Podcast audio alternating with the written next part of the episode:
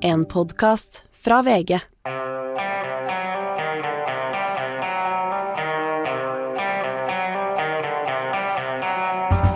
Et lite fredshåp er tent i Istanbul, og i Hollywood har eh, Will Smith bedt Chris Rock om tilgivelse. Dette er Gjevre-gjengen. Det er tirsdag den 29. mars.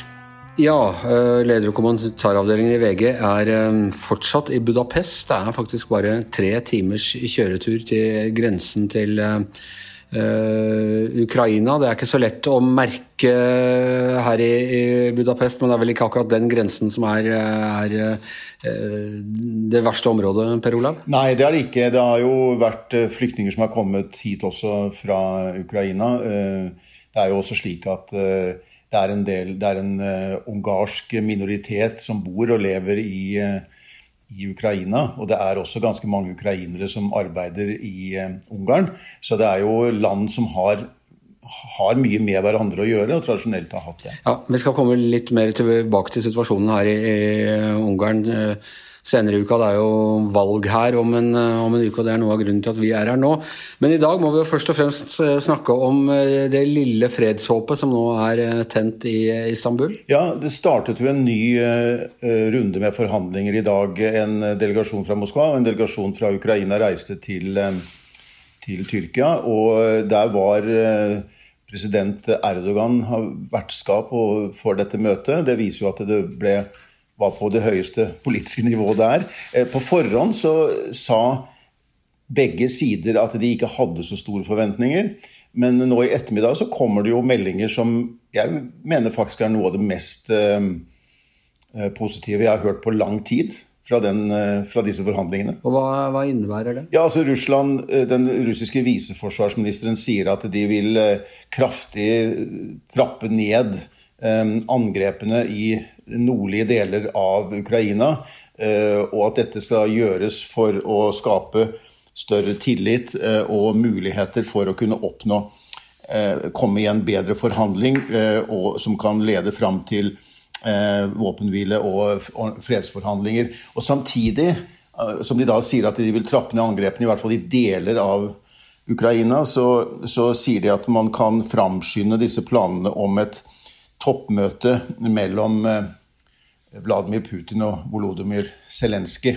Fordi eh, Zelenskyj har jo lenge tatt til orde for et sånt toppmøte med Putin og sagt at det er eneste måten vi kan klare å komme til en avtale. Eh, og Putin, eller Putins folk da, har sagt at tiden er ikke inne, vi er ikke kommet langt nok. Og Russerne sier fortsatt at de må på en måte ha en, eh, ha en slags uh, et utkast da, til en avtale uh, før de to kan møtes. Men eh, det virker jo som vi har kommet et stykke på vei i dag. Nå skal jo Zelenskyj skal jo egentlig snakke til Stortinget i morgen. Kanskje han ikke får tid til det nå, hvis han må begynne å gå inn i tyngre fredsforhandlinger? Det er ikke sikkert det skjer så fort, eh, eh, Anders. Men eh, hvis han må velge, så tror jeg nok han er nødt til å velge Putin. Og det er jo det han egentlig har prøvd hele tiden. Og jeg vil jo si at fra ukrainsk side så har de jo og Zelenskyj har jo selv vist stor grad av forhandlingsvilje. Vilje til å snakke om de sentrale temaene her, som går på Ukrainas nøytralitet, NATO, ja. ja, sånne ting. Og også statusen til eh, om, om, områder, da, hvor det er opprørskontrollerte områder osv. Så, videre. så han har på en måte vært villig til å snakke om alle de vanskelige tingene. Vi har ikke hørt like mye fra russisk side, inntil i dag, hvor det kommer en del mer konstruktive meldinger derfra. Da. Jeg lurer på at dette blir rent spekulativt, men det vi jo egentlig hadde tenkt å snakke om i dag, akkurat da vi satte oss ned, at disse fredssignalene kom, eh, det var jo den påståtte forgiftingen av eh, Abramovic, ja. oligarken og Chelsea-eieren, som eh, skulle være en slags sånn forhandlingsmann mellom Russland og, og Ukraina, så, så, kom det påstander dukket opp i går kveld om at han var blitt forgiftet. Og i morges så gikk, gikk jo da eh, ukrainerne vel ut og advarte alle som var i forhandlinger med russerne om å ta imot mat eller drikke. Nå toner de ned eh, hele den episoden og sier at det er ikke sikkert han er forgiftet likevel. og eh, Kan det være en del av, av fredsforhandlingene? At nå, nå, vektlegger vi ikke det som er vondt og vanskelig? Nå... Kan godt være det. Det er i hvert fall en av de få tingene som begge sider nå er samstemte om. Altså Russland avviste bare dette som uh, falske nyheter, sånn som de alltid gjør i slike tilfeller. Men, men, de sa også at det bare var en del i informasjonskrigen. Og de rapportene som da var egentlig i amerikansk presse først, de var ikke det var bare påfunn. Men det litt mer spesielle her var jo at ukrainerne også avviste at dette hadde skjedd, at det var noe forgiftning. Men vi vet ikke. Men årsaken til at det selvfølgelig fikk stor oppmerksomhet, er at vi, vi har, det har jo vært en rekke tilfeller med at, eh, med forgiftning. Eh, og er ikke, man er ikke ukjent Det er Putins foretrukne måte, å, blir det påstått, å sette motstandere ut av spill på? Ja, og vi, vet, vi har jo ingen mulighet til å finne ut hva som egentlig har foregått her. Men det som vi vet, er at det, hvis det fant sted, så fant det sted tidlig i mars, altså for lenge siden. Og eh, de pådro seg da i hvert fall ikke skader som man nå til de kan spore nå i dag. Så det var ikke, noe, det var ikke et sånt tilfelle på eh, alvorlig grad av det. Men, hvis, men bare dette at man kom en advarsel om at man ikke skulle ta imot mat og drikke fra Russland. Og disse samtalene i dag fant jo sted i Tyrkia. De samtalene hvor dette skal ha funnet sted, var jo i Hviterussland tidlig i mars. Så der, der har russerne mer kontroll. Du vi må snakke om en eh, annen ting som, også, som du har skrevet om i dag. Og det er altså at uh, Dmitrija Muratov, uh, redaktøren for, for Novaya Gazeta, som fikk fredspris, Nobels fredspris før jul her, han legger ned butikken nå? Han gjør det, og i hvert fall midlertidig. Uh, det var jo slik at de forsøkte å innrette seg etter den nye medieloven som kom i Russland. En veldig streng medielov som um, gjorde det mulig å fengsle journalister og andre i mange år hvis de um, spredde det som Kreml kaller falske nyheter. Falske nyheter er jo kun da det som ikke passer inn i den offisielle propagandaen. Um, men, og, det gjorde det vel, og krigen kunne jo ikke omtales annet enn som den spesielle militære operasjonen. Og eh, Novaya Gazeta påla seg det de kalte en militær sensur. De liksom valgte å ikke skrive om det eller omskrive det eller prøve å unngå de der vanskelige temaene, sånn at de ikke skulle bli rammet. Likevel så fikk de to ganger besøk da fra det russiske medietilsynet, som mente at de hadde tråkket over grensen. Litt uklart hva det besto i. Men det var nok da, når det skjedde siste gang på mandag, så fant eh, eh sjefredaktøren, nobelprisvinneren Muratov, ut at det nå var det ikke lenger mulig å komme ut, i hvert fall ikke i dagens situasjon. Eh, og jeg må jo si at det er jo at det skal bli mye større rom for ytringsfriheten når denne krigen en gang er over, er jeg i hvert fall tvilende til. Da. Men han la altså ned på eget initiativ her etter liksom ja, det ble ikke stengt. tilsnakk fra Medietilsynet. Det ble ikke stengt, og det var ikke en sånn direkte struping? Nei, men han gjorde det med svært tungt hjerte, og det var, eh, ga uttrykk for det at han var beklaget dette veldig sterkt. Jeg tror ikke, Det virket ikke som om de følte de hadde så mye valg. Hvis eh, valget var at de da men eh, at de ville bli stengt av myndighetene, og kanskje noen da ville bli stilt eh, for retten, og at man da kunne stått overfor eh, lange fengselsstraffer. Jeg vet ikke hva som ble sagt, men det er i hvert fall den konklusjonen som Muratov trakk, at nå kan vi ikke komme ut i dagens situasjon. Det er veldig trist, for dette et, har vært en stemme for uh, demokrati og for menneskerettigheter og for uh, har drevet undersøkende journalistikk i en lang årrekke i, i, i Russland, og på en måte helt fra uh, tid, kort tid etter Sovjetunionens fall, så har de vært en av de viktige uavhengige stemmene. Og nå er det nesten ingen igjen, så nå er det kun propagandaen som uh, forteller russerne hva de, vite, hva de, skal vite, om både det som skjer i Ukraina og alle andre ja, steder. For det er jo da en rekke redaksjoner som enten har lagt ned eller trukket seg ut av Russland? rett og slett. Ja, det er flere nå i senere tid også som har måttet uh, lukke. og uh, andre utenlandske aviser eller nettsteder blir blokkert, og også noen som da blir da stemplet som såkalte fremmedagenter. Og det er jo det samme som å snakke om folkefiender. Da skal vi til jeg holdt på å si fredeligere ting, men så mye fredeligere er det ikke. Som alle har fått med seg, så var det rett og slett en voldsepisode under utdelingen av Oscar-prisen eh, natt til mandag. En utdeling som sikkert flere nordmenn fulgte med på enn vanlig pga. Eh, nominasjonen av den norske filmen 'Verdens verste menneske'. Og Benjamin Brekken, du satt jo da i Hollywood og så dette her. Du var vel ikke inne i salen? var du det? Jeg var ikke inne i salen her, men vi var på en, en slags nordisk fest, et viewing party. da, Så det var jo mange, mange folk der som var der for å se det. Det var litt sånn du er på en fest hvor det er utrolig god stemning. Kanskje du er i en høy skyskraper, og så lokker noen opp vinduet og hopper ut. Altså, det, det, føltes, det føltes litt sånn, for Stemningen bare døde helt, og folk gispa. Og så kommer spekulasjonen. ikke sant? Dette er Hollywood. Eh, var det planlagt spill?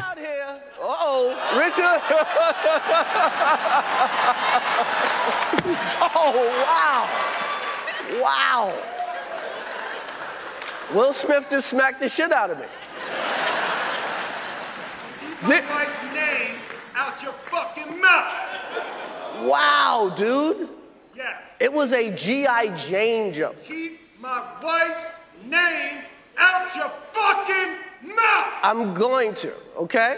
Skjønte du hva som skjedde idet det skjedde? Ja, jeg, for jeg så jo på det, så jeg så jo hva som skjedde, men du klarer liksom ikke å På et eller annet kognitivt nivå så er du ikke helt kobla på, da. Det bare skjedde det der, men så begynner han jo å hyle etterpå, og da skjønner du på reaksjonen at her er det et eller annet. Vi snakka jo med produsenten og sånn som hadde vært i salen for verdens verste menneske seinere, og de var, de var, helt sjokkert sjøl, og de skjønte der da at, at, dette var på ekte. For i hele Oscar-historien det kan ikke, altså Noe lignende har ikke skjedd. Vi, vi, snakket jo om her før helgen om da, da Marlon Brando sendte opp en Native American for å ta imot prisen, og det har vært en sånn små, småskandale og greier. men dette her var jo helt uh, Dette er jo helt vilt. Jeg kan ikke huske at det har vært vold. Det har jo vært sånne øyeblikk man husker. Lest opp feil film, noen som tryner i trappa. Og man trodde jo lenge at årets øyeblikk skulle bli da han Troy gikk opp og holdt uh, talen sin på døvespråk. Uh, på tegnspråk. Men, men sånn ble det jo virkelig ikke. Og det er liksom jeg tror ikke alle skuespillere har fått like mye oppmerksomhet, for det er noe spesielt med Will Smith. Både min generasjon og din generasjon har vokst opp med mye det han har gjort. Han er altså en ekte blockbuster-skuespiller. Fra 95 til 99, var det vel, så hadde han liksom Bad Boys, Independence Day, Men in Black, Enemy of the State, Wild Wild West. Så kan man si hva man vil om kvaliteten, men store blockbustere. Han hadde French Prince, han er hiphop-stjerne, har hatt noen av de største hitene. Og han har liksom markedsført seg som en slags good guy in Hollywood. Vært veldig tydelig på at jeg, ja, det er nettopp. Ikke sant? jeg trenger ikke å banne i mine låter, for jeg kommer opp og fram uten det. Og så er han så, så eh, bad guy. Men jeg må jo også si honnør til Chris Rock. Hvis noen hadde kommet til å smelte meg eh, på den måten der, vet ikke hvordan jeg hadde reagert. Jeg begynte å grine eller blitt rasende eller eh, Men han, han sto der liksom bare Oi sann, oi, dette går unna. Og så stødig med hendene på ryggen der. Og det har jo vært reaksjoner etterpå hvordan burde han reagert. Vi var på i går kveld noe som heter The Comedy Store, en kjent komediescene her hvor Robin Williams og sånn slo gjennom. Alle tok tak i det her, og der var det litt sånn Hun ene var sånn I want my man to hit somebody ikke sant? Var på delsida, mens andre var sånn Vold er ikke akseptert uansett. Jeg bikker vel litt mot det. da. Det er ganske langt fra plassen til Will Smith og opp på den scenen. Han rekker å reflektere på veien oppover hva han har tenkt å gjøre. Og likevel, her snakker jeg som en gammel mann på over 60 år, men er det noe Altså, det er noe i meg som beundrer han litt også. Hei, du kan si hva du vil om meg, men du kødder ikke med kona mi. Altså, det, er, det er et sånn gammelt æresbegrep som, måte, som jeg tror en del av oss også kan føle litt på. På sosiale medier og sånn, så blir jo dette dratt ut i en debatt. Da, går jo debatten rett over i kjønnsroller, og at ikke sant, Will Smith er en mannssjåvinist som tror at kvinnen er hans eiendom og hans oppgave nærmest rett å beskytte. Jeg syns det er å kanskje dra det litt langt. At det må være lov å føle at man kan beskytte noen man er glad i, uten at det er et bevisst mannssjåvinistisk grep. Men så syns jeg ikke dette var riktig å gjøre. da. Men jeg synes det er å dra det litt langt igjen. Men det tok jo all oppmerksomhet bort fra hvem som faktisk vant den kategorien. da. Husker du hvem som vant beste dokumentarfilm? Haken fjern. Jeg kunne ikke sagt om du hadde torturert meg. Nei, ikke sant? Summer of Soul om Harlems kulturliv på 60- og 70-livet. Ingen som vet. Nei, så det er, det er jo det, Utøyelig deres øyeblikk vil bli husket for alltid, men, men ikke pga. dem. Men så, altså eh, Natt til i dag, europeisk tid, og, og i går kveld hos deg, så, eh, så står han altså fram som angrende synder eh, via Instagram, eh, selvfølgelig. Hvor, eh, hvordan blir den tatt imot, den uh, unnskyldningen til Will Smith? Litt som jeg sa i går, at det, det er både og. Jeg tror den, I og med at han er så godt likt, så virker det som han aksepterer det. og Det var nok noe han følte han måtte gjøre. For det var jo spekulasjoner der om de kunne ta fra han statuetten. Hvis det står i regelverket at vold ikke er tillagt, så hadde det jo vært i sin fulle rett å gjøre det. Og så fikk, kom jo liksom Denzil Washington ut og med litt sånn Det er når du er på toppen at djevelen kommer og tar deg, så er det liksom, da har vi Satan, kan vi skylde på han. da, Det er jo greit å ha han å, å skylde på. Men jeg tror jeg tror amerikanere liker en sånn uh, regret story. Da, at noen gjør noe galt, og så kommer han tilbake og unnskylder seg. Det er jo veldig hollywoodsk dramaturgi, hele greia. Men du, en annen og litt vanskeligere uh, del av det. Det er to svarte menn som slåss på Oscar. Uh, er det, blir det problematisert i det hele tatt? At dette går inn i noen stereotopier eller, eller, sånne ting? Ja, jeg, jeg har ikke, nå har jeg ikke sett noe i pressen, men jeg har sett litt på sosiale medier at enkelte svarte skuespillere er sånn at this is, this is bad for us. Altså Endelig er det en eh, mannlig skuespiller som vinner beste hovedrolle. Det har vært tidligere. da. Dette er på en måte dårlig PR for et Oscar som allerede har vært litt sånn eh, svart mann-uvennlig. da. Men de, men de slåss jo ikke. Altså Det er jo også en svart mann her som tar dette veldig godt og er liksom eh, anstendig der. Men det må jeg så på VG i stad at, at Trettebergstuen hadde lagt ut bilde av hun og Kristen Stewart, og hun var jo på, kom jo på den festen jeg var på etterpå. Og oppsøkte meg litt tydelig stolt, for hun hadde utrolig lyst til å fortelle om at hun hadde møtt Kristen Stewart hadde lyst til å vise de bildene. da. Det er noe vakkert med at sånn ministre selv kan bli litt starstruck når de kommer hit til Hollywood. Hun er jo vant til å menge seg med, med kjente folk. Ja, nei da, altså Ministrene har jo tatt selfie med Lavrov og litt av hvert, så der er jo, vel jeg si Kristin Stewart kommer inn i en, en av de bedre kategoriene. Ellers, du er på, på vei hjem. Hvordan har stemningen, vært i den norske leiren etter uh, Ble det nedtur, eller var det sånn alle som hadde hørt Giæver og gjengen, var jo forberedt uh, på dette etter at uh, du snakka med oss på fredag. Nei, men det er jo sånn da, Når det nærmer seg og man kryper seg innover, så, så blir man jo litt skuffa, tror jeg. De var, nå har jo selve verdens verste mennesken vært litt tilgjengelig her borte. De kom jo aldri til den røde løperen på den røde festen og var heller ikke tilgjengelig dagen etterpå. Så ingen har jo egentlig snakka med Trier, Renate, André, Anders Danielsen Lie. Ingen av de de har enten dratt eller ikke hatt lyst til å snakke med oss. Så der må vi få lov til å si at det er litt skuffende. Men produsenten eh, Thomas Robsam kom da, og han han var veldig nøktern. liksom Syntes bare det var så gøy å være der, og dette var forventa. De hadde jo spilt en del ned, men han innrømmer at han liksom Han la vekk mobilpapirer tilfelle han måtte opp og, og juble. da men øh, jeg tror de tar det med fatning. Det er jo en seier uansett. Det er det selvfølgelig. Og så er det selvfølgelig lov til å være bitte lite grann skuffa i øyeblikket. Jeg har alltid beundret hvordan de sitter med kameraene på seg. Sitter sånn, den der, sitter avslappet og så liksom Et lite sånn Og så ja, men det var jo fortjent, og selvfølgelig, og sånne ting. Bortsett fra Jim Carrey, som jeg husker satt sånn en gang og bare kryssa begge fingrene. Hadde det ikke vært gøy hvis noen bare lagde en skikkelig scene når de ikke vant? Og bare ordentlig nei! det hadde vært moro. Ta en Will Smith og løpe opp og smelle til eh, Nei, det har kanskje vært prøvd nå. Men jeg har lyst til å bare nevne kjapt, Anders, at selv om det ikke ble noe pris da, til verdens verste menneske, så vant jo Norge på en måte bitte lite grann pris likevel. Ja. Fordi Dune den fikk for beste produksjonsdesign, filmfoto, klipping, original og filmmusikk og lyd. Og Dune den er starten der. Den er spilt inn i Norge. Så heia Norge. Benjamin, eh, tusen takk for at eh, du har stilt opp her. God tur. Du skal reise hjemover nå? gjør du ikke det? Jeg skal reise hjem etterpå. Du er jo skamløs nok til å vekke meg halv seks. Så derfor jeg er litt hes i stemmen. Men eh... kvart, kvart, på seks var det. Ja, det var deilig. Men det er tidlig. Jeg er helt enig i det. Så tusen takk for at du ble med. Og med det så er Giæver og gjengen over for i dag. Eh, tusen takk til Per Olav Ødegaard eh, her i Budapest. Tusen takk til Benjamin Brekken i Hollywood. Jeg heter Anders Giæver, og mannen som ikke har smeltet meg en eneste gang i løpet av de sju årene vi har laget denne podkasten, til tross for alt det rare jeg har sagt, er som vanlig produsent Magne Antonsen. Du har hørt en podkast fra VG. Ansvarlig redaktør, Gard Steiro.